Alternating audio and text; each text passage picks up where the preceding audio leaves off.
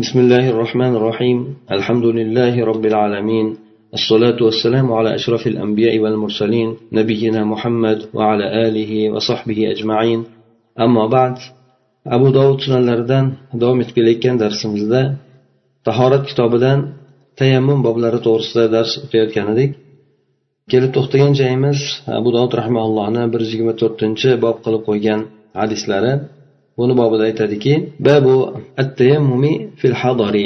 Ya'ni yuqoridagilar ko'proq e, asosan safarda qilingan tayammumlar edi shuningdek bu yerda bu kishi bu hadislarni ostida keltirib turib ya'ni hadorda ya'ni o'sha safarda emas balki muqimligida tayammum qilishlik to'g'risida kelgan hadislarni bobi deb aytadi.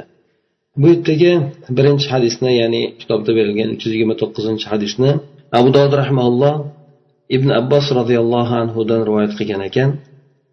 Bu kishi aytadilarki أقبلت أنا وعبد الله بن يسار مولى ميمونة زوج النبي صلى الله عليه وسلم حتى دخلنا على أبي الجهيم ابن الحارث ابن السمة صمة الأنصاري رضي الله عنه قال أبو الجهيم أقبل رسول الله صلى الله عليه وسلم من نحو بئر الجمل فلقيه رجل فسلم عليه فلم يرد رسول الله صلى الله عليه وسلم عليه السلام حتى إذا أتى على الجدار فمسح بوجهه ويديه ثم رد عليه السلام ibn abbos aytadilarki men abdulloh ibn yasor bilan birgalikda payg'ambar sallallohu alayhi vasallamni ayollari maymuna onamizni ozod qilgan qullari bor ekan abdulloh ibn yasor degan shu bilan birgalikda borib hattoki abul juhaym ibn horisni oldilariga kirdik deydi.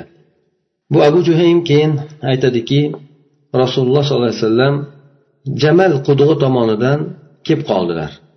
Madinadagi jamal qudug'i tomonidan yurib kelib qoldilarda u kishiga bir odam uchrab yo'liqib qoldi. Shunda salom berdi. Yo'liqib turib salom berdi.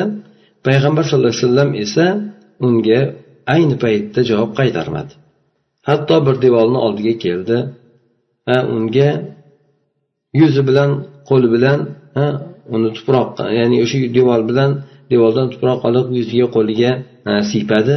So'ng unga javobni qaytardi deydi. Ya'ni bu yerda tayammum qildilar hamda unga javobni qaytardilar deydi.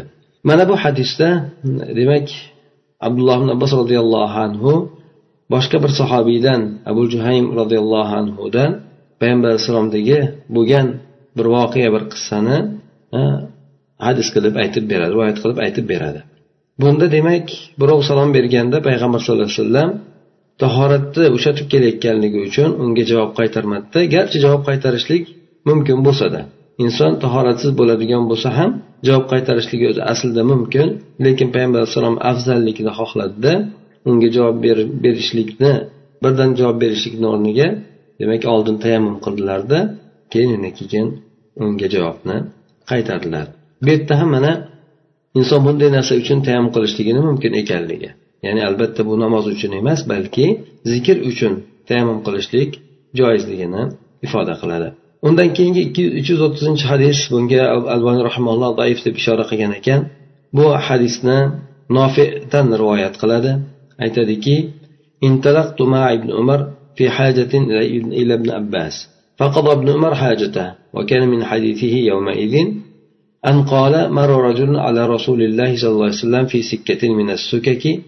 من السكك وقد خرج من غائط أو بابل فسلم عليه فلم يرد عليه حتى إذا كاد الرجل أن يتبارى في السكة فضرب بيديه على الحائط فمسح بهما وجهه ثم ضرب ضربة أخرى فمسح ذراعيه ثم رد على الرجل السلام وقال إنه لم يمنعني أن أرد عليك السلام إلا أني لم أكن على طهر قال أبو داود رحمه الله سمعت أحمد بن حنبل يقول روى محمد بن ثابت حديثا منكرا في التيمم nofi ya'ni abdulloh ibn umarni shogirdlari bo'lgan nofi aytadiki men abdulloh ibn umar bilan birgalikda bir hojat bo'lib abdulloh ibn abbosni oldiga borgan edim shunda ibn umar o'zini hojatini o'tadi ya'ni kerakli ishini bajardi va o'sha kundagi bo'lgan hadisidan shu bo'ldiki ibn umarda aytgan hadislardan shu bo'ldiki bir odam payg'ambar sallallohu alayhi vasallamga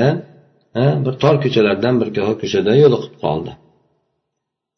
Shunda payg'ambar sallallohu alayhi vasallam katta yoki kichik tahorat ushlatib chiqayotgan edilar. Salom berdi haligi odam. Payg'ambar sallallohu alayhi vasallam javob qaytarmadi. Hatto haligi odam o'sha yo'lda ko'zdan g'oyib bo'lishlikka yaqin bo'lgan edi. Payg'ambar sallallohu alayhi vasallam esa devorga qo'lini urdilarda u bilan yuzini siypadilar. So'ng yana bir boshqa marta urdida e, bilaklarini siypadi sirpadi. Bilaklariga surkadi endi shuni. So'ng haligi odamga javobni qaytardi. Salomni salomiga haligi oldi.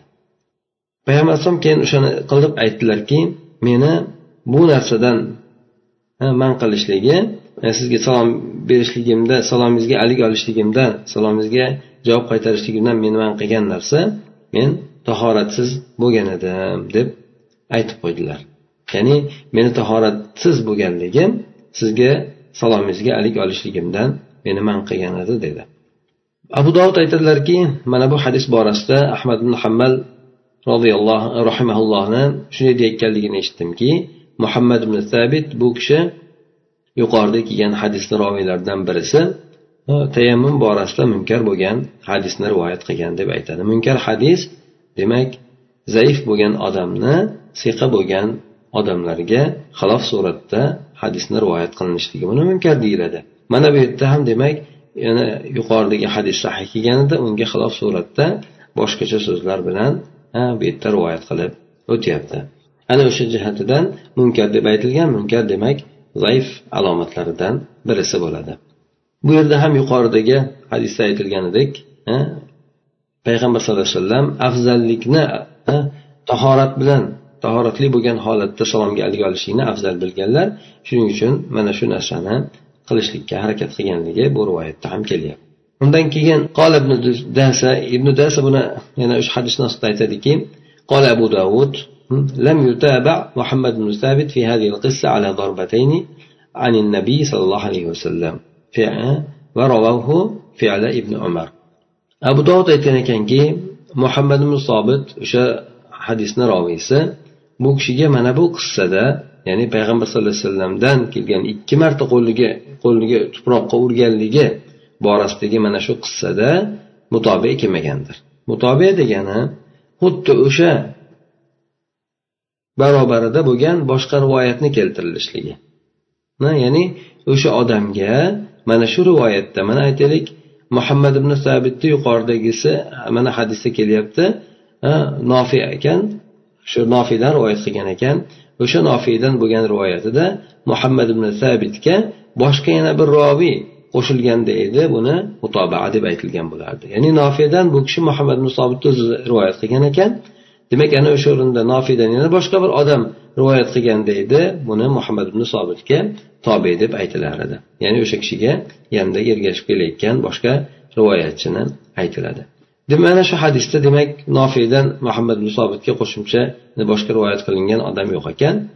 Yana payg'ambar alayhissalom bu hadisda ikki marta urganligi to'g'risida kelgan yuqorisida esa bir marta sanog'ini aytilmagan yuqorisida.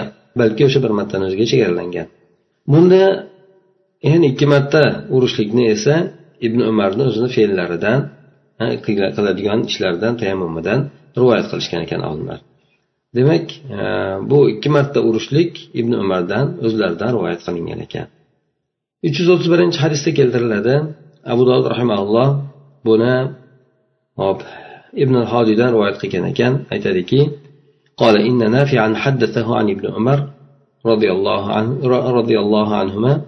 قال أقبل رسول الله صلى الله عليه وسلم من الغائط فلقيه رجل عند بئر جمال فسلم عليه فلم يرد عليه رسول الله صلى الله عليه وسلم حتى أقبل على الحائط فوضع يديه يده على الحائط ثم مسح وجهه ويده يديه ثم رد رسول الله صلى الله عليه وسلم على الرجل السلامة. yuqoridagi bundan oldingi o'tgan hadisda kelganidek hop nofi ibn umardan rivoyat qilib aytadi buni. Ibn umar aytadilarki rasululloh sollallohu alayhi vasallam tahoratdan kattasidan kelayotgan edi. Jamal qudug'ini oldida bir odam u kishiga yo'liqib qoldi salom berdi. Payg'ambar sallallohu alayhi vasallam unga javob qaytarmadi alik olmadi. Hattoki bir devorni oldiga keldi va qo'lini o'sha devorga qo'ydida so'ng yuzi bilan qo'liga siypadi qo'lini. Demak o'sha devorga qo'lini urib turib keyin yuzi bilan qo'liga siypab oldida ana o'shandan keyin rasululloh alayhi vasallam haligi odamga salomiga haligi oldi yoki salomiga javob qaytardi. Mana bu hadisda ham demak ibn umarda rivoyatdan kelyapti. Bu yerda ikki marta urganligi rivoyat qilinmagan balki bir marta urganligini o'zini aytib o'tilyapti ya'ni sanog'ini aytmagan holatda.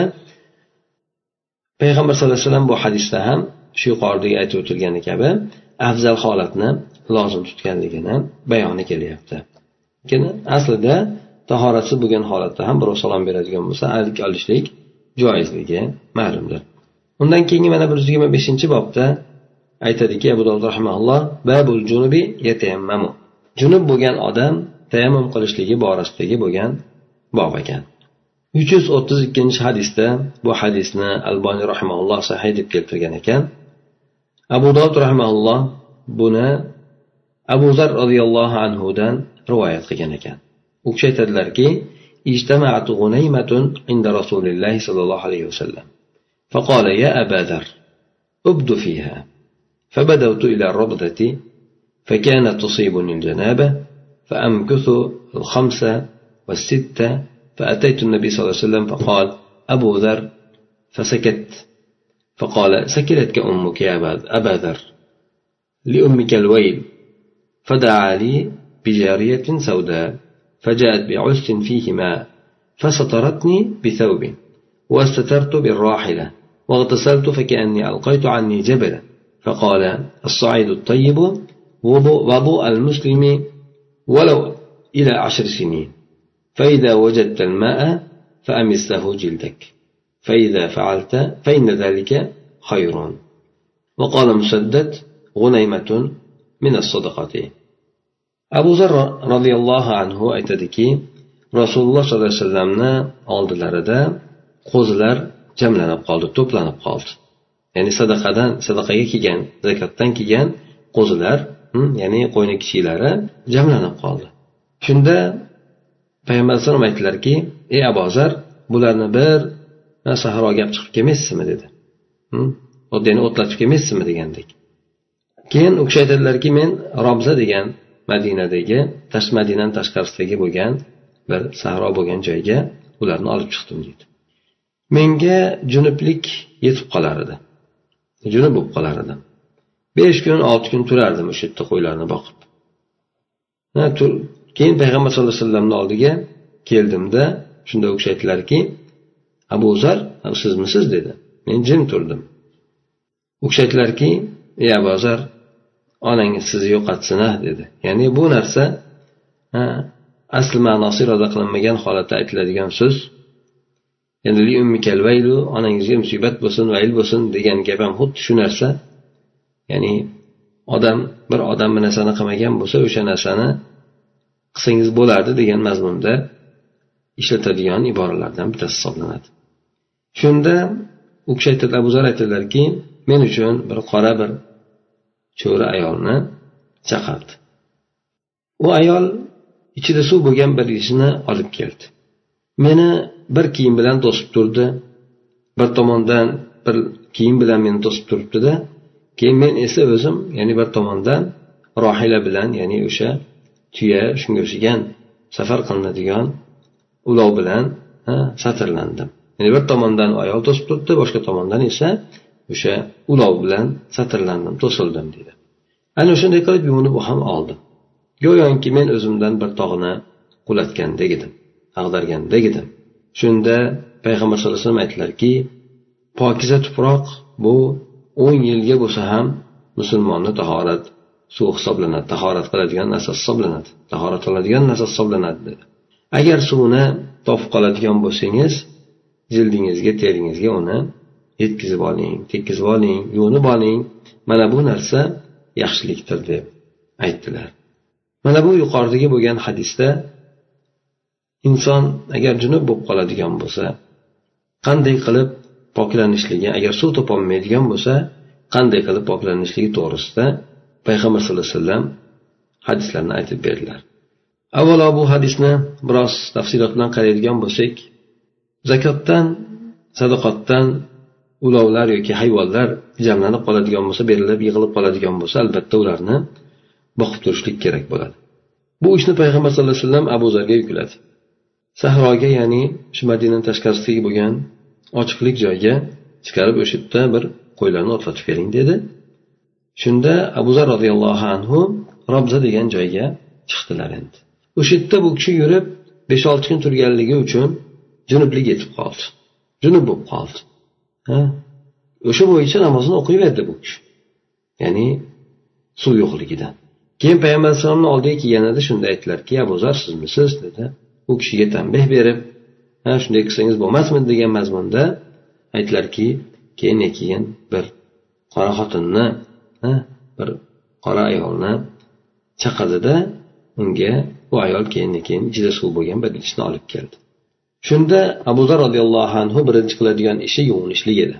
Chunki suv topildi bo'lib ham bu kishi demak o'sha junobatdan junub bo'lib qolishlikdan xalos bo'lishi kerak edi. Shunda kelishi bilanla payg'ambar sallallohu alayhi vasallam bu holatni bilib turib darrovda yuvinib olishlikka buyuradi hamda o'sha ayol kishi kiyim bilan to'sib turadi abu zarni. Albatta ommomlar oldin serob bo'lmaganligi uchun o'sha joyni bir chetida madinani bir chetida yoki bo'lmasa o'sha joyni bir chegarog'iga o'tib turib o'zini ulov bilan ulovni oldida turadilarda ana o'shanda ayol bu ayol abu zarni o'zini o'sha qo'lda turgan kiyim bilan satr qilib to'sib turadi. Boshqa tomondan esa abu zar roziyallohu anhu ulov bilan to'silib turadi. Ana o'shandan keyin yuvinib aytadiki go'yoki tog' meni ustimdan tushganday bo'ldi deydi. Chunki bu kishi nima qilishini bilmasdan o'shanday bo'lgan holatda ibodatni qilib yuravergan. Chunki o'sha paytlardagi hukmlar hamma ommaga bildirilmagan yoki bo'lmasa hali islomni juda hamma hukmlari mukammal bo'lgan davri bo'lmagan edi. Shuning uchun bular ham ba'zi masalalardan bexabar bo'lib qolishligi tabiiy edi. Shunda payg'ambar sallallohu alayhi vasallam bu kishiga ta'lim bergan holatda demak musulmon odam shunday holatga tushib qoladigan bo'lsa tahorat suvini topolmay qoladigan bo'lsa o'n yilgacha bo'lsa ham muddat qancha bo'lishidan qat'iy nazar tayammum bilan ya'ni tuproq bilan tayammum qilib turadi deb aytdilar. Ya'ni shu mana shu pokiza tuproq musulmonni tahorat suvini o'rniga o'tadi dedi. Ana undan keyin agar endi o'sha yerda g'usul g'usulni o'rniga tayammum qildi g'usul bilan tahoratni o'rniga bir tayammum qilsa bo'ladi. Endi suv topilib qoldi. Yoki kasal edi inson suv ishlatolmas edi ishlatadigan imkoniyati topilib qoldi. Yoki sovuq suv edi suvni isitishlik imkoniyati bo'lib qoldi tayammum bo'lgan edi. Mana bunday o'rinlarda albatta suv topilib qolganligi uchun boshqatdan yuvinib olishligi kerak bo'ladi. Lekin avvalgi o'qigan namozlarni hammasi durust hisoblanaveradi. Chunki bu yerda inson imkoniyatdagi bo'lgan narsani qilgan bo'ladi. Payg'ambar alayhisalom shundan aytdilarki albatta bu narsa yaxshiroqdir yaxshilikdir. Unda inson suv topish bilan yuvinolishligi albatta bu yaxshi narsadir yaxshi sifatdir deb aytib qo'ydilar. Tayammum vaqtinchalik bir inson suv topolmay qoladigan bo'lsa o'rniga ishlatiladigan badal hisoblanadi. Lekin suvni topishligi bilan insonga demak albatta o'sha suvni ishlatishligi lozim bo'ladi. Hamda tayammum g'usul uchun tayammum qilgan bo'lsa tayammum qilish kerak bo'ladi. E, yuvinish kerak bo'ladi. Agar tahorat qilgan bo'lsa e, suv topilishligi bilan tayammumi bekor bo'lib ketadi. uch yuz o'ttizinchi hadisda keltirib o'tadi albani rahmaulloh buni sahiy deb ishora qilgan ekan bu yerda ham abu zardan rivoyat qilinadi mana bani omirdan bo'lgan bir odam aytadiki دخلت في الإسلام فأهمني ديني فأتيت أبا ذر فقال أبو ذر إني اجتويت المدينة فأمر لي رسول الله صلى الله عليه وسلم بذود وبغنم فقال لي اشرب من ألبانها قال حماد وأشك في أبوالها. هذا قول حماد. فقال أبو ذر فكنت أعزب عن الماء ومعي أهلي فتصيبني الجنابة فأصلي بغير طهور فأتيت رسول الله صلى الله عليه وسلم بنصف النهار وهو في رهط من أصحابه وهو في ظل المسجد. فقال صلى الله عليه وسلم أبو ذر قلت نعم هلكت يا رسول الله. قال وما هلكت؟ وما أهلكك؟ قلت إني كنت أعزب عن الماء ومعي أهلي فتصيبني الجنابة فأصلي بغير طهور فأمر لي رسول الله صلى الله عليه وسلم بماء فجاءت به جارية سوداء بعس يتخضخض ماء هو بملآن. فتسترت إلى بعير فاغتسلت ثم جئت فقال رسول الله صلى الله عليه وسلم يا ذر إن الصعيد الطيب طهور وإن لم تجد الماء إلى عشر سنين فإذا وجدت الماء فأمسه. keldik. Bani omir qabilasidan bo'lgan bir odam aytadiki men islomga kirgan edim. Dinim menga eng muhim narsa bo'lgan edi abu zarni oldiga keldim. Shunda abu zar aytdiki men madinaga kelib muhitiga moslashdim dedi. Shu muhitiga moslashayotgan edim ya'ni muhiti bilan madina meni ortib qo'ygan degan mazmunda aytdi. Madinaga kelib og'rib qolgan edim deganda. Ya'ni muhitga moslasholmay qoldim degandek. Payg'ambar sallallohu alayhi vasallam menga shunda ya'ni tuya va qo'y e, nimaga sahroga chiqib qo'y boqishlikni va qo'ylarni menga buyurdi. Zavud deb o'zi aslida himoyani aytadi. Shunda menga aytdiki uni sutlaridan ichgin dedi o'sha qo'ylarni tuyalarni sutlaridan ichgin dedi. Shunda hammod aytadiki men bovullar deganidan shubhadaman deb. Bu hammodni so'zi ekan. Ya'ni ba'zi rivoyatlarda uni sutlaridan va sidiylardan degan gap ham bor ekan lekin sidiydan degan gapida o'sha rivoyatdan ekanligiga men shubha qilaman deb aytgan ekan. Shunda abu zar aytadiki men suvdan chetlangan edim. Ya'ni suv yo'q edi degani. Ya'ni suvdan izzob edim bo'ydoq edim yoki chetda edim deyapti ya'ni oldimizda suv yo'q edi degani.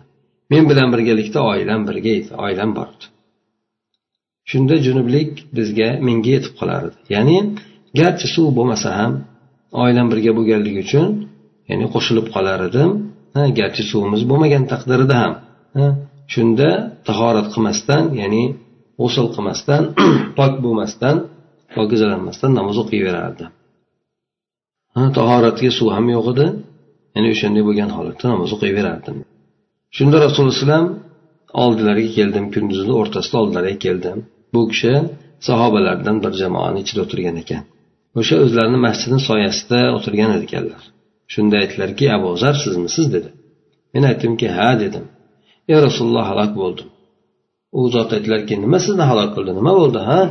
deb so'raganida men aytdimki men suvsiz edim suv yo'q edi oldimizda oilam bor edi men bilan birgalikda shu junublik tegib qolardi menga. Men esa tahorat qilmasdan namoz o'qiyverardim. Shunda rasululloh sollallohu alayhi vasallam suv olib kelinglar deb buyurdi. Men uchun suv olib kelishlikka buyurdi. Bir qora bir ayol jo'ri bo'lgan ayol suvni olib keldi. Bir idishda suvni olib keldiki u chalpanib turardi. O'zi esa nima emas edi to'liq emas edi. Suv to'ldirmas edi. Shunda men tuyaga satrlandim. Tuya bilan o'zimni yashirdim hamda yuvinib oldim. Tuyani orqasiga o'tib turib yashirinib yuvinib oldim dedi. So'ng keldim. Shunda rasululloh alayhi vasallam aytdilarki ya abazar albatta pokiza bo'lgan tuproq tohurdir. Ya'ni tahorat suvi barobaridadir pokizalovchidir. Agar siz suvni o'n yilgacha topmaydigan bo'lsangiz ham dedi. Agar mabodo shu tayammum qilgandan keyin suvni topib qoladigan bo'lsangiz uni terigingizga tekkizib oling ya'ni yuvinib oling deb aytdilar. Mana bu hadisda ham yuqorida aytib o'tilgani kabi junub bo'lgan holatida inson qanday qilib agar suv topmasa tayammum qilishligini payg'ambar alayhisalom aytib o'tdilar. O'sha tahoratga qilinadigan tayammum ayni g'usulga ham qilinishligi kerak bo'ladi. Ya'ni bitta tahorat bilan g'usulni niyat qilib bir marta tayammum qilishligi ikkalasini o'rniga o'taveradi. Garchi tahorati ketkizadigan narsa sodir bo'lsada undan bu junubligini qayta hosil bo'lib qolmaydi. Uni g'uslini bekor qilmaydi. Illo g'uslni bekor qiladigan ya'ni g'uslni vojib qiladigan narsa sodir bo'lmaydigan bo'lsa ya'ni junublik yoki jimolik ayol bilan jimo qilishlik shunaqa narsa sodir bo'lmaydigan bo'lsa albatta o'sha qilgan tayammumi g'uslni o'rniga o'tadi. Garchi inson o'shanda o'n yilgacha suvni topmasa ham bu o'n yil deb aytganligi umumiy suratda taxmin qilib ya'ni uzoq muddat bo'lsa ham degan mazmunda aytilgan ataylab endi aytaylik o'n yildan keyin bo'lsa o'tmay qoladi degan narsa yo'q. Buni taxmin qilib shunaqa suratda yaqinlashtirib aytirilgan ibora hisoblanadi. Agar suvni topadigan bo'lsangiz undan keyin jildingizga teringizga uni tekkizib oling etkizib oling ya'ni yuvib oling deb aytiladi inson demak suv er, ertalab turadigan bo'lsa junub bo'lsa suv topmasa yoki suv uni kasaliga zarar qiladigan bo'lsa yoki bo'lmasa juda ham suv sovuq uni isitishlikni imkoni bo'lmaydigan bo'lsa bunda inson tayammum qilishlikka o'tadi. Tayammum aytib o'tganimizdek uni tahoratini o'rniga ham g'uslni o'rniga ham o'taveradi. Ana undan keyin inson suv topib qoladigan bo'lsa tahorat ham bekor bo'ladi g'usli ham bekor bo'ladi. Ana o'shanda u qaytadan tahorat qilib yuvinib olishligi kerak bo'ladi. Lekin avvalda o'qigan namozi bo'lsa namoz hisoblanaveradi. Avvalgi qilgan ibodatlari hisobga o'taveradi. Faqatgina keyin albatta o'sha suvni topgandan keyin yuvinib olishligi odamga vojib bo'ladi. Xuddi shuningdek aytib o'tganimizdek kasal bo'lgan odam ham kasaldan shifo topadigan bo'lsa tayammumga hojat qolmaydigan bo'lsa unda suv bilan agar tayammumda g'usul o'rniga ishlatgan bo'lsa unda suv bilan yuvinib olishligi zarur bo'ladi. Undan tashqari mana e, bu qo'ylarni ham tuyalarni sutlarini e, ichishlikka ruxsat berildi. E, Hop bu insonga foydali bo'lgan tomonlari bor. Siydiklarini esa boshqa bir hadisda keladi. U xosatan tuyani siydigini iste'mol qilishligi mumkinligi to'g'risida uroniylarni hadisda keladi. Bunda dori suratida iste'mol qilinadi dori sifatida buni iste'mol qilishlik mumkin bo'ladi. bunga payg'ambar alayhissalom o'zlari hadislarni birida aytib o'tganlardir bir yuz yigirma oltinchi hadisda keladi babu junubul barda junub bo'lgan odam agar sovuqdan qo'rqadigan bo'lsa tayammum qiladimi degan savol qo'yilib bu bobni keltiryapti amr ibn as roziyallohu anhudan rivoyat qilinadi u kishi aytadilarki fi laylatin barida fi ghazwati ذات السلاسل فأشفقت أن أغتسل فأهلك. فتيممت ثم صليت بأصحاب الصبح فذكروا ذلك لرسول الله صلى الله عليه وسلم فقال يا أمر صليت بأصحابك وأنت جنب فأخبرته بالذي منعني من الاغتسال وقلت إني سمعت الله يقول ولا تقتلوا أنفسكم إن الله كان بكم رحيما. فضحك رسول الله صلى الله عليه وسلم ولم يقل شيئا. وعلقه البخاري رحمه الله. Amr ibn os roziyallohu anhu aytadilarki zot salosil ya'ni zanjirlik bo'lgan jangda rum ularga zanjirda bir biriga bog'langan holatda chiqishadi jangga. Ana o'sha jangda sovuq kechada ehtilom bo'lib qoldim junub bo'lib qoldim deydi. Yuvinishlikdan qo'rqdim halok bo'lib qolishim mumkin ya'ni vafot etib qolishim ham mumkin deb yuvinishlikdan qo'rqdim. Shunga ko'ra tayammum qildimda sahobalarim bilan sheriklarim bilan bomdod namozini o'qidim dedi. Ya'ni imom bo'lib o'qigan bu kishi. Ashabiy deganda o'sha sheriklarim bilan namoz o'qidim ya'ni sheriklarimga namoz o'qidim degan namoz o'qib berdim degani shunda bular rasululloh sollallohu alayhi vasallamga o'sha narsani zikr qilishdi. Aytdiki amir sheriklaringiz bilan junub bo'lgan holatda namoz o'qibsiz? Shundaymi dedi. Keyin payg'ambar sallallohu alayhi vasallamga men yuvinishlikdan man qilgan narsani xabarini berdim. Aytdimki men alloh taoloni shunday deyayotganligini eshitganman bilaman. O'zlaringizni qatl qilmanglar halokatga solmanglar. Albatta alloh taolo sizlar bilan rahmdil mehribon bo'lgan zotdir deydi. Shunda demak bu kishi agar suvni ishlatadigan bo'lsam halok bo'lib ketishligim mumkin degan fikr hayoliga keldida mana bu oyatni bunga o'zicha dalil qilib aytdi. Payg'ambar sallallohu alayhi vasallam bu kishini bu keltirgan so'zidan va dalilidan kuldilar. Lekin biron narsani aytmadilar. Ya'ni yo bo'lmabdi degan gapni aytmadilar. Buni buxoriy rahimalloh taliq qilib keltirgan ekan. Taliq qilib ya'ni to'g'ridan to'g'ri bobni tagiga roviylarni ko'pini rivoyat qilmasdan keltirib o'tmasdan birdaniga amr ibn osdan deb rivoyat qilib yuborishligi bu taliq bo'ladi. Ya'ni o'rtada roviylarni tashlab ketib turib to o'sha oxirdagi bo'lgan roviyga borib taqab aytishligi bu buxoriyni shu boblarni ostiga keltiradigan tariqotlaridan namunalar bo'ladi uch yuz o'ttiz beshinchi hadisda keltirib o'tadi haddisini muhammad ibn salama al murodiy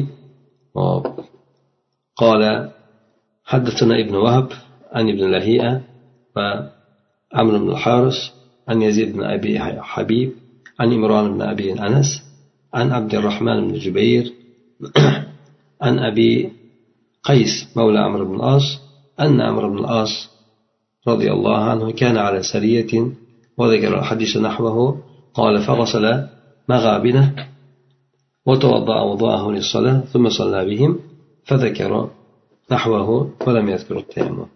amr ibn osni bu kishi sariyada bo'lganlar deb aytadi sariya jangga chiqqan payg'ambar sallallohu alayhi vasallam chiqqan bo'lsa g'azu g'azot deb aytilgan. U kishi ishtirok etmagan janglarni esa sariya deb aytilgan. Ya'ni u kishi yuborgan jamoalar gruppalarni sariya deb aytilgan. Amr o'sha sariyani ustida edi. Ya'ni o'shalarga boshliq bo'lgan edi. Yuqoridagi hadisni demak shunga o'xshaganini zikr qildida keyin aytdiki u kishi mana mag'obina mag'obin degani o'sha avrat atroflarini aytadi. O'sha joylarni yuvdi mustahab qildi deymiz biz va hop namozga tahorat olgandaqa tahorat oldi. So'ng ular bilan birga namoz o'qidi. Bu yerda aytib o'tdi lekin bu yerda tayammumni zikr qilmadi. Boshqa bir rivoyatda mana pastda kelyapti hasson atiyadan bunda tayammum qilganligini aytib o'tyapti. Demak yuqoridagi bo'lgan hadis to'liqroq suratda keltirilgan garchi pastdagi ham hadis sahiy bo'lgan taqdirda ham demak bunda ba'zi narsalarni zikr qilmagan yuqorida esa to'liqroq suratda kelyapti undan keyingi bir yuz yigirma yettinchi bobda keltirib o'tadi babul al majduru yatayammam uch yuz o'ttiz oltinchi hadisda abu dovud rahmaulloh jobir ibn abdulloh roziyallohu anhudan rivoyat qiladi aytadilarki خرجنا في سفر فأصاب رجلا منا حجر فججه في رأسه ثم احتلم فسأل أصحابه فقال هل تجدون لي رخصة في التيمم فقال ما نجد لك رخصة وأنت تقدر على الماء فاغتسل فمات. فلما قدمنا على النبي صلى الله عليه وسلم أخبر بذلك فقال قتلوه قتلهم الله. ألا سألوا إذا لم يعلموا؟ فإنما شفاء العي السؤال. إنما كان يكفيه أن يتيمم ويعصر أو يعصب شك موسى على جرحه خرقة ثم يمسح عليها ويغسل سائر جسده. Demak bir yuz yigirma yettinchi jarohatlangan odam tayammum qiladi. Hmm, jarohatlanib shu bir yeri bog'langan bo'lsa bu odam tayammum qiladi. Jobir ibn abdulloh roziyallohu anhudan rivoyat qilinadiki u kishi aytadilar biz bir safarga chiqqan edik bizdan bir odamga ya'ni safar jang safari bir odamga tosh tegdi. Boshini yorib qo'ydi keyin so'ng buni ustiga u odam ehtilom bo'lib qoldi. Sheriklardan so'radi men uchun tayammum qilishlikka ruxsat topasizlarmi? dedi. Ya'ni suv bor lekin bu odam tayammum haqida so'radi. Tayammumga ruxsat bormi menga dedi. Bular aytishdiki siz suv topishlikka qodir bo'lib turganingizdan keyin sizga bir ruxsatni topmaymiz bilmaymiz deyishdi. Albatta suvga qodirsiz hozir dedi. Bu odam o'sha odamlarni gapiga kirib turib yuvinib oldi. Shu bilan vafot etib ketdi. Madinaga kelgan paytimizda payg'ambar sallallohu alayhi vasallamga o'shani xabarini aytildi. Bu kishi aytdilarki uni o'ldirib qo'yibsizlaru olloh o'ldirib qo'yishibdiyu olloh ularni halok qilsin dedi. Ya'ni bu asli zohiri iroda qilinmasdan aytiladigan zajr ma'nosida aytiladigan so'zdir bu o'rinda. Ya'ni ular agar bilmaydigan bo'lsalar so'rasalar bo'lmasmidi chunki johil bo'lgan odamni shifosi bu so'rashlik bo'ladi ay degani johil bo'lgan bilmagan odamni aytiladi. Bu odamga tayammum qilishligi hamda o'sha jarohatiga bir latani bog'lab olishligi kifoya qilgan bo'lardi. O'sha jarohatiga bir narsani bog'lab tayammum qilib olishligini o'zi kifoya qilar edi bu odamga. Keyin uni o'shani latani ustiga ham mast tortib qo'yardi. Yuvib yuvganicha yuvib o'sha joyiga agar suv tegishligi zarari bo'ladigan bo'lsa o'shani ustiga mast tortib qo'yardi. Qolgan jasadlarni esa yuvib olaverardi deb payg'ambar alayhisalom aytdilar. Mana bu hadisda inson jarohati bo'lib turib bir a'zosiga biron bir a'zosiga suvni ishlatishlik mumkin emas bo'lib turib qanday yuvinishligi to'g'risida payg'ambar alayhissalomdan ko'rsatmalar kelyapti. Avvalo sahobalardan so'ragan paytida bular inson umumiy suratda tushunishgan ediki bular insonni oldida suv bormi? Bu yerdagi bo'lgan sahobalarni ba'zilari edi. Shunda suv bormi? Albatta suv bilan yuvinish kerak bo'ladi tayammum qilishlik mumkin emas degan tushuncha bo'lgan edi. Ana o'sha tushunchaga binoan bular bu odamga sovuq suv bo'lsa ham demak suv bor shuning uchun sizga ruxsatni topmaymiz degandan keyin yuvindi bu odam.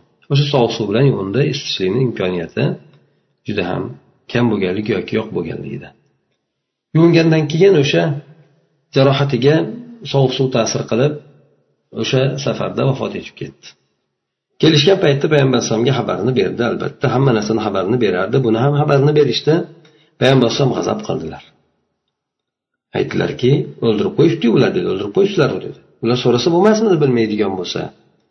Johil bo'lgan odamni shifosi so'rashlik bo'ladi bilmagandan keyin albatta inson so'rashi kerak bo'ladi deb ularga ko'rsatma berdi. Hamda bu odamni holati to'g'risida fatvoni ham bayon qilib qo'ydi. Shunga o'xshagan odam bo'ladigan bo'lsa unga o'sha jarohatini ustiga bir latani qo'yib turib hmm, latani ustiga tayammum qilishligi hamda o'sha tayammum bilan bir qator siypab qo'yishligi qolgan jasadlarini esa yuvishligi imkoniyati bo'ladigan bo'lsa. Ana o'sha narsani aytdi. Demak inson to'liq suvni ishlatishlikka imkoniyati bo'lmaydigan bo'lsa tayammum qiladida birinchi tayammum qiladi keyin o'sha joyini o'ziga lata qo'yib turib bu yerga o'sha surkab qo'yadi bunday aytganda mas tortib qo'yadi ham qolgan jasadni a'zolarini esa qolganlarini yuvadi. Birinchi bo'lgan tayammum to'liq ishlatolmaganligi suvni to'liq ishlatishga imkoniyati bo'lmaganligi uchun qilinadi.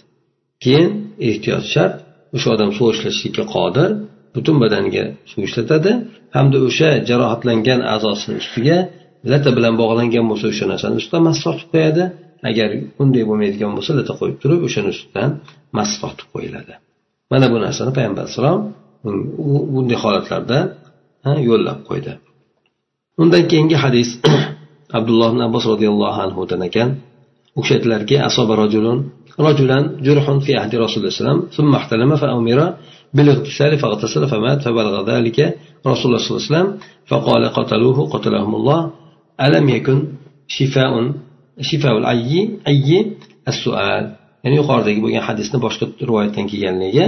Ibn abbos aytadilarki bir odamga payg'ambar alayhisalom davrlarida jarohatlar yetib qolgan edi hamda o'shandan keyin ehtilom bo'lib qoldi junub bo'lib qoldi yuvinishlikka buyurildi. Bu odam o'sha sheriklar tomonidan yuvinuvdi o'lib qoldi. Bu keyin payg'ambar alayhisalomga bu xabar yetdi. Shunda u kishi g'azab qilib aytdilar. Qotaluhu o'ldirib qo'yishibdi olloh ularni halok qilsin. Johil bo'lgan bilmaydigan odamni shifosi so'rashlik emasmidi so'rasa bo'lmasmidi deb payg'ambar alayhissalom bularga achchiq qildi. Undan keyingi mana bir yuz yigirma yettinchi bobda yigirma sakkizinchi bobda keltiriladiki